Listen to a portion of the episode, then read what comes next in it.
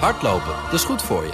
En Nationale Nederlanden helpt je daar graag bij. Bijvoorbeeld met onze digitale NN Running Coach... die antwoord geeft op al je hardloopvragen. Dus, kom ook in beweging. Onze support heb je. Kijk op nn.nl slash hardlopen.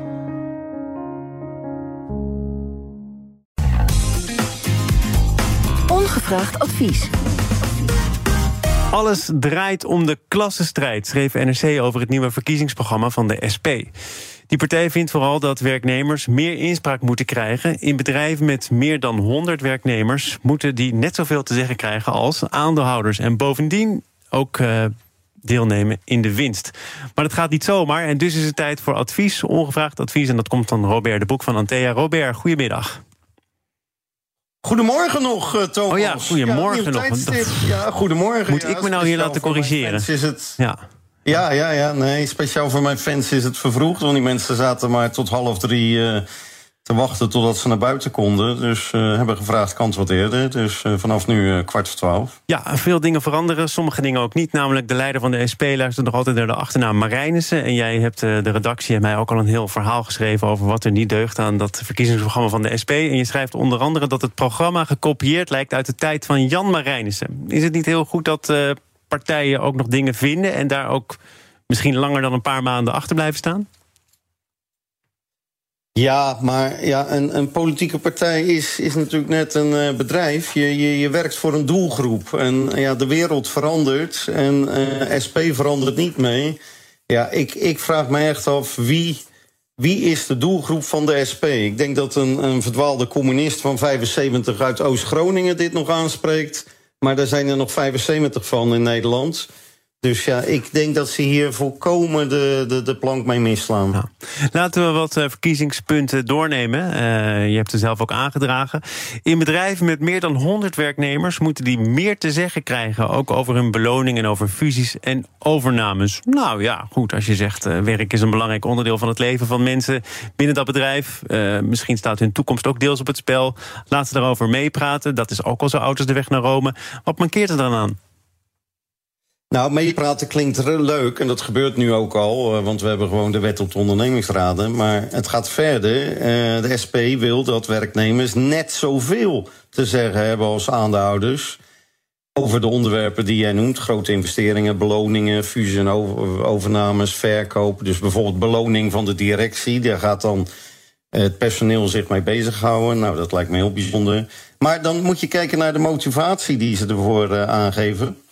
Op deze manier voorkomen we dat winsten oneerlijk worden verdeeld en dat besluiten worden genomen die wel veel winst opleveren voor aandeelhouders, maar die slecht zijn voor de toekomst van het bedrijf.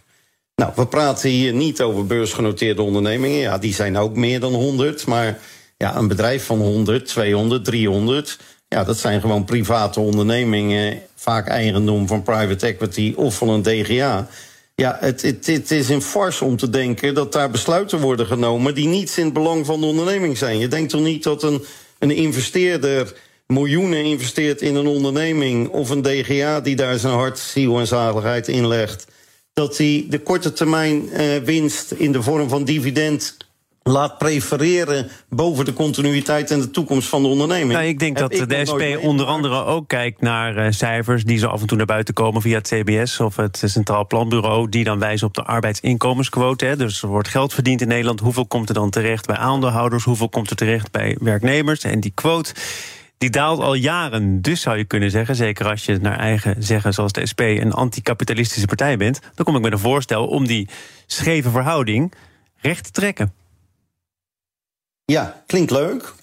Dat is inderdaad voorstel 2. Niet alleen bestuurders en aandeelhouders, maar ook alle medewerkers krijgen voortaan recht op een deel van de winst. Bovenop het reguliere salaris.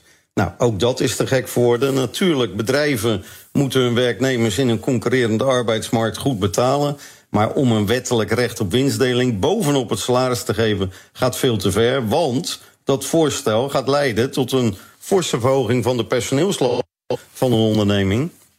En daarmee een daling van de winstgevendheid. Dan kan je zeggen, ja, is dat erg? Ja, dat is erg, want we zitten in een tijd dat bedrijven door teruglopende economie... we zitten in een recessie. Formeel hebben we twee kwartalen op rij hebben we een krimp. Dat is een recessie. Nou, dat lijkt aan de SP voorbij te gaan te zijn. We hebben een oplopende rente, we hebben een ongekend hoge inflatie. Ja, die kunnen zich al nauwelijks het hoofd Maar, maar Robert, ik, ik, ik, hield je net die, die arbeidsinkomensquote voor... waaruit het tegenovergestelde blijkt. Hè, dus dat er wel veel winsten worden gerealiseerd... en dat relatief gezien daar steeds minder van terecht komt... in de vorm van loon bij werknemers.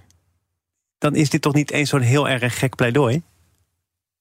Ja, dit is wel een gek pleidooi, want dit gaat leiden tot, tot faillissementen. En ja, dat voorstel is leuk, maar werknemers gaan hun baan kwijtraken... en die komen helemaal niet aan winstdeling toe. Die zijn straks toegewezen op, aangewezen op een uitkering. Dit gaat leiden tot faillissementen, want leidt tot forse stijging van de personeelslasten. Daarbij komt, SP lijkt te vergeten, risico en rendement, dat dat samengaat. No gods, no glory. Die investeerders en die DGA, die hebben geld op tafel gelegd om te investeren. En daar krijgen ze rendement op. Het voorstel van de SP is dat we dat personeel aandelen gaan geven. Ja, joh, dat, dat, dat kan absoluut. Terwijl die geen risico lopen en gewoon morgen weer hopen naar hun werk te kunnen gaan rond een uur of negen en om vijf uur weer te vertrekken.